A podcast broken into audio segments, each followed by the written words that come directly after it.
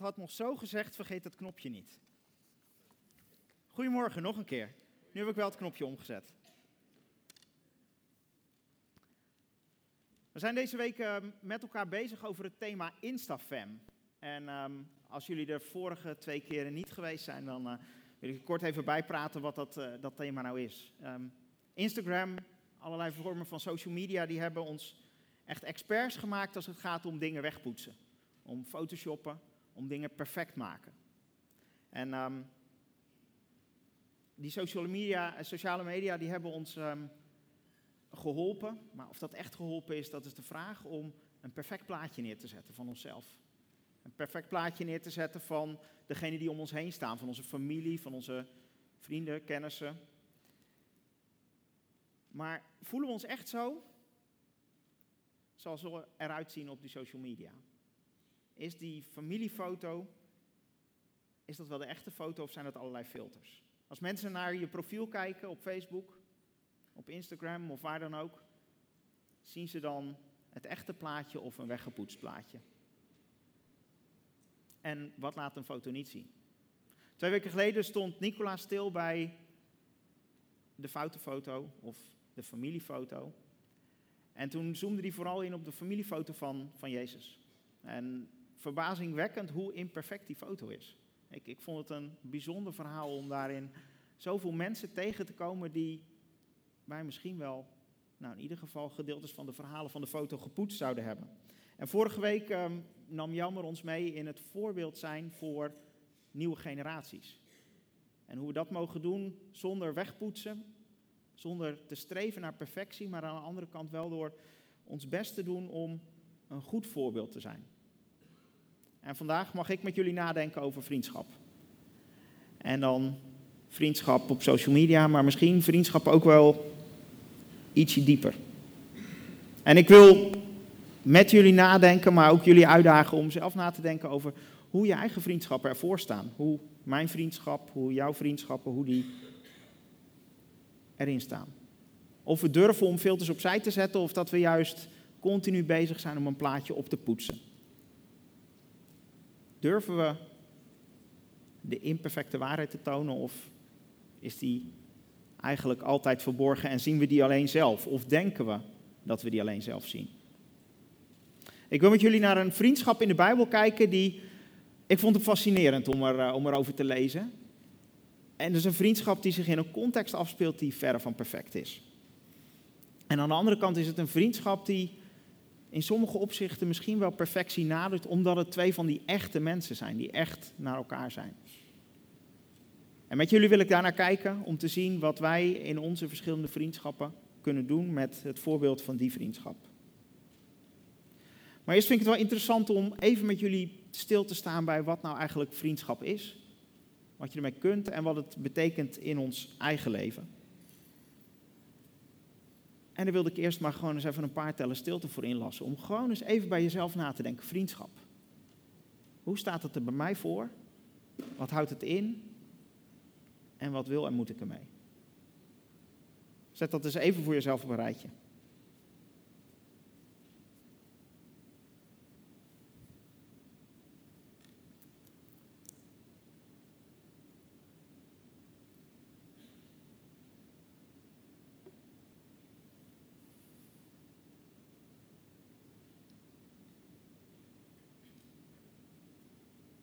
Ik denk, beter gezegd, ik ben ervan overtuigd dat we mensen gemaakt zijn door een schepper die wil dat we samenleven.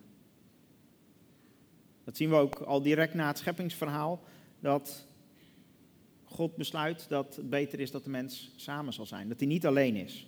En steeds in de Bijbel komen we aansporingen tegen om het samen te doen. Om het niet alleen op te pakken. Om vrienden erbij te betrekken, om relaties aan te knopen, om sterker te worden door het samen te doen. Want samen is beter, samen is mooier en samen is veiliger. Dat lezen we op allerlei plekken en ik wil met jullie eventjes lezen uit um, Prediker. Prediker 4, daar staat het volgende, leest u mee. Je kunt beter met z'n tweeën zijn dan alleen, want, dat is zeker, samenzwoegen loont. Wanneer twee vrienden samen zijn en een van hen beiden valt, dan helpt de ander hem weer overeind. Maar wie alleen is en te komt, die is beklagenswaardig. Want heeft niemand om, die hem op de been helpt.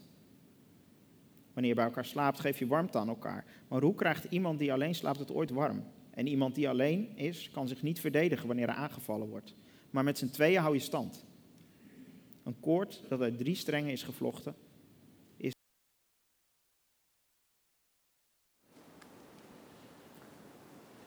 Vriendschap, het samen doen is een Bijbels begrip.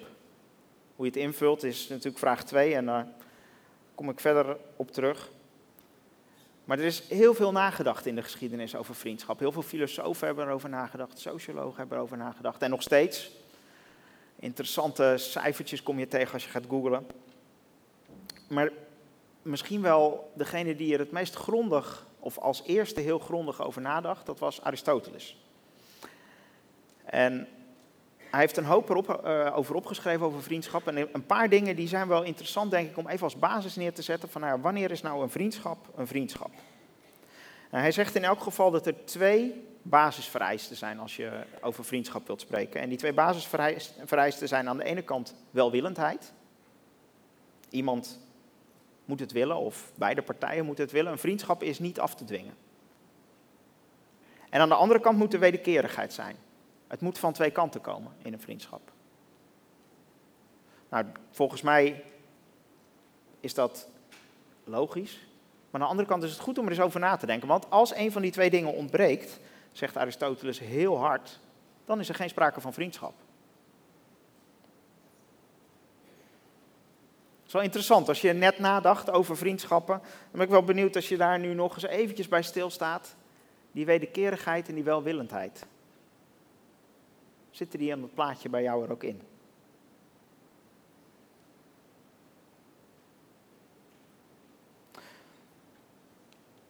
Nou, ik zei het al, ik heb flink even zitten, zitten googelen van wat allerlei mensen over vriendschap zeggen. En dan kom je natuurlijk direct bij van allemaal van die testjes uit. Hè? De FIFA, de Linda, de Cosmopolitan, als je een beetje op niveau wil of zo. Nou ja, um, die hebben allemaal van die testjes. En de een is nog infantieler dan de ander. Um, soms toch ook best wel grappig. Nou, allemaal komen ze ook met van die opsommingen van BFF tot vage kennis en weet ik veel wat. Ze hebben allerlei lijstjes van hoe je je, je vrienden zou kunnen indelen. En wij hadden het uh, op de Connect-groep daar eventjes over. En toen stelden we de vraag, hoeveel vrienden heb je eigenlijk? En dan ontkom je er niet aan om toch een soort van lijstjes te gaan maken. Een soort van, um, ja, Facebook-vrienden, dat zijn er wel een heleboel, maar bij sommigen weet ik niet eens wie het zijn. En um, nou ja, tot, tot zeg maar een lijst waarbij je uh, best wel weet wie het zijn. En dan is het wel interessant om een onderverdeling te maken in vriendschappen. Bill Hybels die deed dat voor de vrienden van Jezus. En dat vond ik wel interessant um, om, om dat uh, te lezen van hem. Hij kwam op um, de vriendenfoto van Jezus, waar dan alle vrienden op staan, kwam hij op een onderverdeling van 72, en dan 12, en dan 3, en nog een keer 3. Om Jezus heen zit een grote kring van 72 mensen die Lucas discipelen noemt. Dus mensen die best wel echt vrienden zijn. Um, Jezus trok met ze op, hij zette ze in in de bediening, maar toch zitten ze op een zekere afstand. En dan die twaalf, nou, die herkennen we natuurlijk allemaal, dat zijn degenen die we de discipelen noemen. Dat zijn de mensen die echt dichtbij zijn. De um, intensieve vriendengroep, om het zo maar te zeggen. En dan nog wat dichter bij Jezus, of eigenlijk heel intiem bij Jezus, zijn er twee groepjes van drie vrienden plus Jezus. Petrus, Jacobus en Johannes. Dat zijn echt de intieme vrienden rond Jezus. En we hebben Maria, Martha en Lazarus, die ook wel intieme vrienden van Jezus zijn. En wat ik interessant vind, is als je al die lijstjes en die dingen in de, in de FIFA en de Linda leest, dan kom je heel vaak op dezezelfde getallen, of in elk geval zeer vergelijkbare getallen. Mooi is dat, dat je in de Bijbel principes terugkomt, eh, tegenkomt die nou ja, op allerlei andere plekken dan, dan ook weer herontdekt worden, als het ware. ik ben wel benieuwd als je even voor jezelf nadenkt. Hoe, hoe zit bij mij die groep van die 72? Hoe zit bij mij die groep van die 12? En dan gaat het natuurlijk niet exact om dat aantal, want Bill Hybels schrijft ook, het zijn er minimaal 72, want exact weten we dat aantal niet. Um, Maar hoe zit dat met die, die grotere groep en die kleinere groep en dat intieme groepje? Herken je die? Ik ga nog even terug naar Aristoteles, want die zegt hier ook het een en ander over. Die maakt niet van die rijtjes die op het, um, op het simpele af zijn, maar die heeft erover nagedacht als filosoof en die zegt, nou, er zijn drie soorten vriendschappen of drie lagen in vriendschap. Hij zegt er zijn vriendschappen vanwege nut. En dan moet je denken aan uh, bijvoorbeeld uh, mensen met wie je een taak te vervullen hebt. Er zijn uh, vriendschappen, of buren, collega's zou je ook nog onder dat niveau kunnen, kunnen scharen. Vriendschappen vanwege plezier, dus waar je leuke dingen mee doet. Waar je van spreken naar de bioscoop gaat of samen gaat sporten, samen muziek maken. En dan is er een derde laag, vriendschappen vanwege karakter. En die ontstijgen de eerdere niveaus. En vriendschap vanwege karakter, dat gaat verder dan, dan dat het iets oplevert. Een vriendschap vanwege karakter, dat heb je vanwege die andere persoon. En die andere persoon heeft het vanwege jou. En zo'n vriendschap vanwege karakter is, is ontzettend waardevol. En tegelijkertijd is het niet zo dat je ernaar zou moeten streven dat elke vriendschap een vriendschap vanwege karakter zou moeten worden. Want dat, um, dat kunnen we als mensen helemaal niet aan. Het interessante is dat heel veel sociologen zeggen van meer dan 100 mensen kun je niet hebben in die grote kring. En meer dan vijf mensen kun je niet hebben in die kleine kring. Dus die, die karaktervriendschappen zijn echt hele bijzondere, maar ontzettend waardevolle vriendschappen. Nou, als ik het blokje afrond over, over vriendschap, dan, dan wil ik naar één belangrijke raad gaan vanuit de Bijbel. In de Bijbel staan tientallen, zo niet honderden tips over vriendschap. Ik zou zeggen, lees spreuken eens een keer helemaal door en onderstreep alles wat over vriendschap gaat. Dan, um, dan word je echt een stuk wijzer van. Maar één tip, of één raad, of misschien zou je wel kunnen zeggen één gebod, is zo waardevol dat ik hem wil noemen voordat ik naar dat voorbeeld ga van David en Jonathan. In Spreuken 13, daar lees je, wie met wijzen omgaat, die wordt vanzelf wijs. Wie met dwazen verkeert, die is er ellendig aan toe. Heel veel van de tips die zijn geformuleerd als een, als een advies. Maar dit is eigenlijk wel geformuleerd, nou, dus stevige taal. Als je er ellendig aan toe uh, raakt als je, als je dit dus verkeerd doet, dan, dan is het nogal een tip. En ik, ik denk dat het een belangrijk is om te bedenken als je vrienden uitkiest, want vrienden kies je, om er dan over na te denken, zijn dit vrienden die wijsheid toevoegen? En wijsheid gaat niet over cijfers op school of intelligentie, maar wijsheid gaat over gerichtheid. Welke richting heeft iemand? En wil ik besmet worden met die richting? Dat is dan de vraag. Misschien zou je het zo kunnen zeggen in het Instafam-thema: met wie je op de foto staat. Dat is alles bepalend. Dus kies dat goed uit. Ik vind het nog wel interessant om jullie nog even één ding te vragen voor we naar uh, David en Jonathan gaan. Ik heb allerlei definities van vriendschap gelezen en geen één was perfect. Ik ben er één tegengekomen, die vond ik redelijk in de richting komen. Maar misschien dat jullie zelf op de hand-out achter vriendschap is, jullie eigen definitie willen neerzetten. Je hebt net van Jasper al toestemming gekregen om je telefoon te pakken. Nou ja, best hè, als je even gaat googlen naar de definitie. Maar het is natuurlijk leuker als je zelf wat verzint. Dus neem even tijd, even twee minuutjes, goede definitie. En uh, die vorige vragen die waren voor jezelf, maar deze kunnen we de rest mee opbouwen. Dus ik ga straks eventjes een paar mensen vragen om zo'n definitie. Een definitie van vriendschap op je handhoud.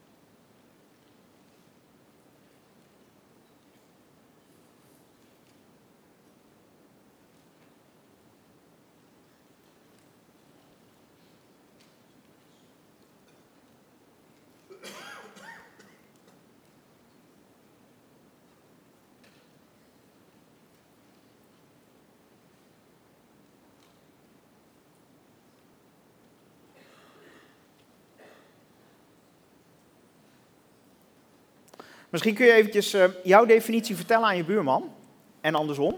Dan uh, horen we even van elkaar een aantal definities. En dan ben ik daarna even benieuwd uh, wie er een interessante definitie gehoord heeft.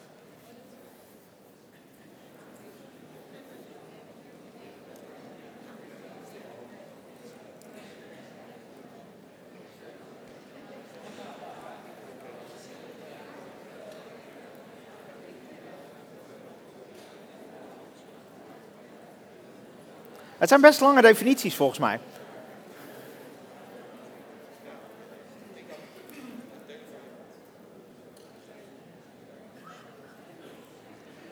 Wie zegt er, nou ik heb echt een wijze buurman, die had een hele goede definitie. Niemand zit naast de wijze. Ja, daar. Um, what's your definition of friendship? Uh, you can speak in English, that's okay.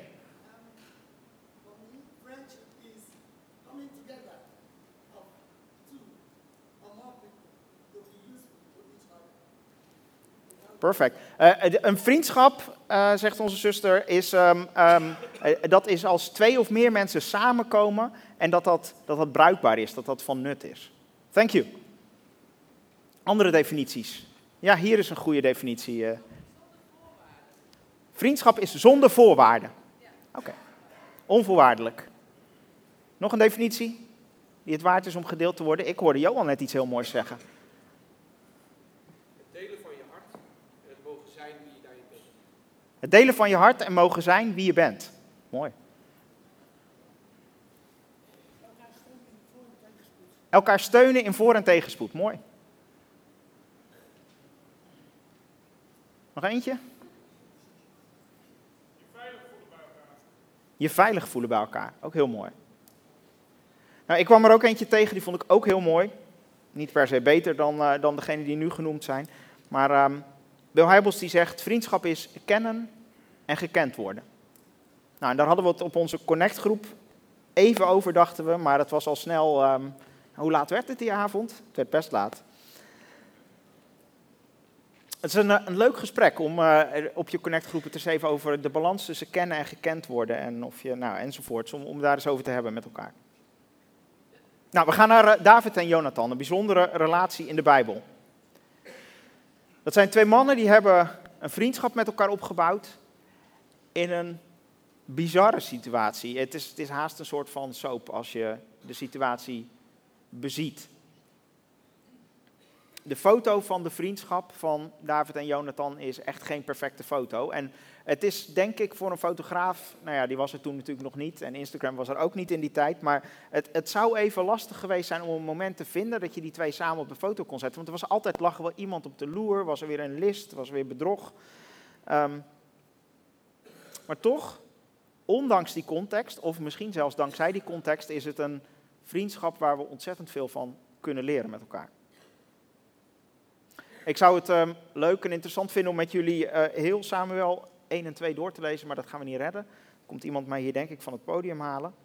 Um, maar als je vanmiddag lekker vuurtje aansteekt of zo, dan zou ik zeggen pak 1 Samuel en 2 Samuel er eens bij en lees het eens door. Ergens bij um, 1 Samuel 16 begin je dan te lezen en nou, dan 2 Samuel 9 of zo, tot daar. Spannend verhaal, mooi en er zitten een heleboel mooie principes in. En ik wil er een paar met jullie doornemen. Even opfrissen, hoe, hoe zit het in elkaar? Uh, dat verhaal van David en Goliath. David die die uh, grote reus dood, dat is net achter de rug. En um, uh, David die wordt uitgenodigd op het paleis van de koning, koning Saul. En koning Saul is de vader van Jonathan. En um, nou, Jonathan die schuift blijkbaar aan, die heeft het gesprek gehoord wat, wat plaatsvindt nadat David die heldendaad heeft verricht. En nadat het volk Israël, voor even, zo blijkt later, uit de problemen met de Filistijn is gekomen. Telkens zijn er oorlogen en aanvallen. En um, uh, nou ja, die grote aanval, die weet David dan dus te weerstaan. Geheel onverwacht, want David is een kleine herdersjongen, helemaal niet een getrainde militair. Dus dat is bijzonder dat hij dan zo'n grote vijand, zo'n reus verslaat. En natuurlijk biedt Saul hem een, eh, een plek aan, aan het hof. Hij uh, blijft daar meteen wonen, maar al snel blijkt dat Saul hem als concurrent gaat zien. En nou ja, daar begint de ellende dan eigenlijk. Want te midden van al die oorlogen op grote schaal is er eigenlijk ook aan het hof een oorlog op kleine schaal tussen Saul en David, of nou tussen, dan zou je zeggen dat het van twee kanten komt. Maar het bijzondere is dat David zich in die strijd tussen hem en Saul staande houdt als een, ja, als een man Gods. En meteen na dat verhaal met ehm, die ontmoeting met de koning, start de vriendschap tussen David en Jonathan. Jonathan die ontdekt daar dezelfde gerichtheid als, op God als die Jonathan zelf wil hebben. Hij ziet iets in David wat hij wil hebben en zo ontstaat er een vriendschap die maar wat zwaar zal worden. En toch, die hashtag die bovenaan de handout staat, die voor deze preek eh, gemaakt is, een vriend voor altijd, die hashtag, daar gaan ze voor. Ik wil met jullie drie karakteristieken, die, drie principes uit de vriendschap van David en Jonathan doornemen en proberen toe te passen op ons eigen uh, leven. Het eerste principe is, wat mij betreft, dat vrienden zich verbinden. Vrienden verbinden zich actief. Daar gaat het om in een vriendschap. Of het nou die diepe karaktervriendschap is, of een wat meer oppervlakkige vriendschap gericht op nut. Er moet sprake zijn van een actieve verbinding. Als er geen actieve verbinding is, kun je niet spreken van een vriendschap. En meteen als David Jonathan ziet, na dat gesprek bij de koning, dan ontstaat die verbinding. Eerste verbinding met elkaar. Dat lezen we in hoofdstuk 18. Leest u mee. Jonathan, die bij het gesprek aanwezig was, voelde zich meteen sterk tot David aangetrokken en vatte een innige vriendschap voor hem op. Saul nam David vanaf die dag bij zich en liet hem niet meer teruggaan naar zijn ouderlijk huis. En Jonathan, die David zo lief had als zijn eigen leven, sloot vriendschap met hem. Een actieve verbinding. En niet alleen een actieve verbinding tussen de twee vrienden, maar ook een actieve verbinding met een derde partij ontstaat. En die derde partij is een actieve verbinding met God. In hoofdstuk 20 lezen we dat, maar eigenlijk door het hele verhaal heen lezen we dat steeds opnieuw, dat er een derde partij, een derde streng betrokken is in deze vriendschap. Lees maar mee. Daar zeggen ze op een gegeven moment, Jonathan zegt dit, en bij alles wat we nu hebben afgesproken, en ze hebben net een, een heel lastig gesprek gehad over misschien wel het einde van Ehm, van het leven van een van hen tweeën. Dan zegt Jonathan, en bij alles wat we nu hebben afgesproken, jij en ik, is de Heer onze getuige. Ik wil niet beweren dat vriendschappen zonder die derde streng, zonder God, dat die waardeloos zijn. Nee, die vriendschappen kunnen ontzettend mooi zijn. Die vriendschappen zijn niet onoprecht, niet verkeerd, maar ze missen wel die derde streng. Die extra kracht en die extra diepgang, dat is wel een, een, een streng die ik in mijn vriendschappen wil laten groeien en bloeien. Die hashtag, een vriend voor altijd, die kan ik niet altijd waarmaken. Of heel vaak niet waarmaken. Dat kan hij alleen. Ik wil eh, de band naar voren vragen, want Lucie die mailde mij weken geleden al over deze preek. Toen ik alleen in mijn hoofd nog maar een paar flarden had, was hij al bezig met een gestructureerde voorbereiding. Daar kan ik wat van leren. En um, hij zei, een vriend voor altijd, dat gaat vast over Jezus. Nou ja, dat idee had ik dus niet, maar um, hij mailde mij een, een, lied en hij zei, kunnen we dat lied zingen, misschien tijdens de preek? En ik dacht, ja, dat lied gaan we zingen tijdens de preek. En omdat het over Jezus gaat en omdat we Jezus willen prijzen, maar vooral omdat die derde, die derde streng in een vriendschap zo belangrijk is. Dat alles start bij Hem. Laten we het lied zingen. Denk het aan de vriendschappen waarbij we die derde streng misschien wel willen versterken. Dank jullie wel. Bedankt eh, voor dit idee ook, uh, Lutze. Nou, van Jonathan de muzikant weer terug naar Jonathan, de vriend van, uh, van David. Um, ik wil terug gaan naar het, het tweede principe. Het tweede principe dat we leren van David en Jonathan is dat ze elkaar vertrouwen. Vrienden vertrouwen elkaar. In het uh, verhaal van David en Jonathan eh, kom ik heel wat voorbeelden tegen van vertrouwen. En ik heb er drie uitgekozen die ik graag met jullie wil delen, omdat het drie heel verschillende voorbeelden zijn. Vriendschap is nog ontzettend pril. Het is nog steeds in diezelfde ruimte waar net dat gesprek is geweest over die strijd met, uh, met Goliath. Ze hebben net vriendschap gesloten. En dan lezen we in hoofdstuk 18, hij, dat is Jonathan, deed zijn mantel af en gaf die aan David. Ook gaf hij zijn uitrusting tot en met zijn zwaard, zijn boog en zijn koppelriem. Nou, dan denk je vertrouwen. Het is meer een beetje een openluchtmuseum eh, scène. Een zwaardje geven enzovoort. Een uh, schattige verkleedpartij. Nou, dat is het niet. Als we het een beetje in onze tijd, in onze Instagram-tijd zetten, dan zou je kunnen zeggen: Jonathan geeft als een wachtwoorden. Of zijn pinpas aan David. Nou, volgens mij is dat wel vertrouwen. In onze tijd is er best wat nodig volgens mij voordat je dat soort dingen afgeeft. En toch, een mooie vriendschap, daar zit vertrouwen in. Een andere vorm van vertrouwen die we ook veel zien bij David en Jonathan is voor elkaar opkomen. Bijvoorbeeld in hoofdstuk 19, dan um, is het flink aan tussen David en Saul. Saul zit achter David aan en dat is natuurlijk een ingewikkelde situatie als de vader van je beste vriendin, uh, vriend achter jou aan zit. Wat moet je dan? Nou, Jonathan die houdt een pleidooi bij zijn vader voor David. Lees het maar mee in hoofdstuk 19. Hij sprak als volgt. Laat de koning zich niet vergrijpen aan zijn dienaar David. Hij heeft u immers niets misdaan. Integendeel, hij heeft u juist grote diensten bewezen. Met gevaar voor eigen leven heeft hij de Filistijnen verslagen en de Heer heeft Israël een grote overwinning bezorgd. U heeft het met eigen ogen gezien en was er opgetogen over. Waarom zou u dus onschuldig bloed vergieten door David te doden, zonder dat er aanleiding toe is? Saul liet zich door Jonathan overreden en zwoer, zo waar, de Heer leeft, hij zal niet worden gedood. Toen riep Jonathan David en vertelde hoe het gesprek verlopen was. Nou, voor elkaar opkomen en daarop volgt dan vervolgens een hoop vertrouwen, want David moet er maar op vertrouwen dat het daadwerkelijk zo is dat Saul hem niets gaat aandoen. Het gaat om leven en dood en om familiebanden. Hoe ingewikkeld om dat in een vriendschap te hebben. Een aanslag op een vertrouwensband. En toch kiezen ze ook hier weer om voor elkaar op te komen. Het derde voorbeeld wat over vertrouwen gaat, dat gaat over het vertrouwen hebben dat een vriend geen misbruik van je zal maken. In hoofdstuk 20, daar hebben ze een gesprek over de problemen die er dan weer zijn tussen David en Saul.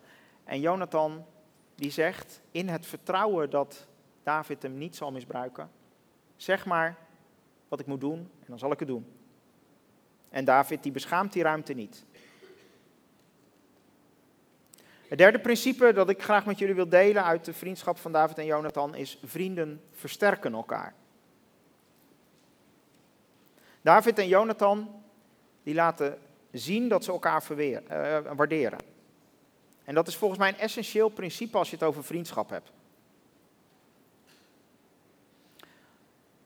David is weer eens op de vlucht voor de vader van Jonathan, voor koning Saul, inmiddels zijn schoonvader. En um, hij is een eind weg. En Jonathan neemt de vriendschap serieus. Hij heeft nog geen WhatsApp, dus hij stapt op het paard en hij gaat achter David aan om hem te bezoeken. Leest u maar mee in hoofdstuk 23. Jonathan zocht David op in uh, Goreza en om te zeggen dat hij op God moet vertrouwen. Je hoeft niet bang te zijn, zei hij. Mijn vader Saul zal je niet te pakken krijgen. Jij zult koning van Israël worden en ik zal je tweede man zijn. Nou, als dat geen bijzondere vriendschap is, dat je zegt: Oké, ik ben de troonopvolger, maar jij wordt koning en ik zal je tweede man zijn. En dat werd mijn vader zelf ook. Nadat ze samen ten overstaan van de Heer hun vriendschapverband hadden bevestigd, ging Jonathan terug naar huis. David bleef, bleef in Goreza. Wauw. Zo'n manier van vriendschapsbanden versterken, zo'n manier van je vrienden waarderen en verhogen, daar kan ik een hoop van leren. Ik ben benieuwd of jullie dit soort bemoedigingen herkennen, zelf geven of krijgen in vriendschappen. En dan gaan we een heel stuk verder in de tijd. David is inmiddels koning geworden. Saul en Jonathan die zijn beide op een noodlottige manier om het leven gekomen. En toch blijft David de vriendschap in ere houden met zijn inmiddels overleden vriend. In hoofdstuk 9 van 2 Samuel, dus een boek verder, daar lezen we: Koning David liet de zoon van Jonathan, de kleinschoon van Saul, ophalen uit het huis van Magier in Lodebar. Toen hij bij David kwam, liet hij zich op zijn knieën vallen en boog diep voorover. Mephibozet, vroeg David. En hij antwoordde, ik ben uw dienaar, heer. Daarop zei David tegen hem, wees niet bang. Ik verzeker u dat ik u goed zal behandelen. Dat ben ik u aan uw vader Jonathan verplicht. Ik zal het land van uw grootvader Saul teruggeven. En voortaan bent u aan mijn tafel te gast. Dus veel verderop blijft Jonathan de vriendschap versterken, eren. De verbinding die hij ooit heeft gemaakt met Jonathan, die blijft hij trouw. Nou, ik wil je aanmoedigen om dat hele verhaal van David en Jonathan inderdaad eens door te lezen bij een vuurtje. Je kunt je vriendschappen door versterken, je kunt je vriendschappen door verdiepen. Ik wil eindigen met het lezen van de tekst die we aan het begin van deze preek ook lazen. De tekst uit Prediker 4. Lees nog even mee. Je kunt beter met z'n tweeën zijn dan alleen, want dat is zeker, samen zwoegen loont. Wanneer twee vrienden samen zijn en een van beiden valt, dan helpt de ander hem weer overeind. Wie alleen is en te val komt, is beklagenswaardig, want hij heeft niemand die hem op de been helpt. En een stukje verder. En iemand die alleen is, kan zich niet verdedigen wanneer hij aangevallen wordt, maar met zijn twee houdt je stand. Een koord dat uit drie strengen gevlochten is, is niet snel stuk te krijgen.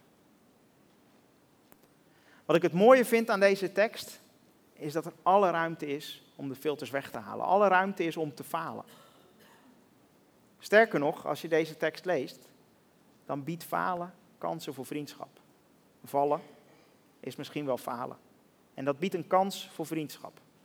Dat hebben David en Jonathan in de praktijk gebracht. En ik denk dat wij dat ook steeds meer in de praktijk mogen brengen. Een vriendschap hoeft niet een relatie van twee perfecte mensen te zijn. Want dan gaat die stranden. Een vriendschap mag een relatie zijn van twee imperfecte mensen. En dus mogen die foto's, die vriendschapfoto's ook imperfect zijn. Het enige wat mooi zou zijn om naar te streven als het gaat om perfectie is dat elkaar opvangen. Dat elkaar optillen, dat elkaar oprichten, dat elkaar versterken. Dat zou mooi zijn. Want, zo lezen we in Spreuken 9, wie vriendschap zoekt, zoekt, die dekt fouten toe. En wie ze telkens oprakelt, die verliest zijn vrienden. Ik wil graag met jullie bidden voor al onze vriendschappen.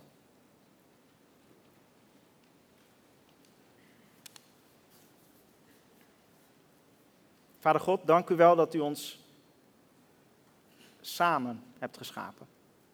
Dat u ons hebt geschapen om mensen voor elkaar te zijn. En vader, ik wil u bidden voor mijn broers en zussen die elk vrienden zijn en vrienden hebben. En ik wil u bidden dat die vriendschappen waardevol mogen zijn.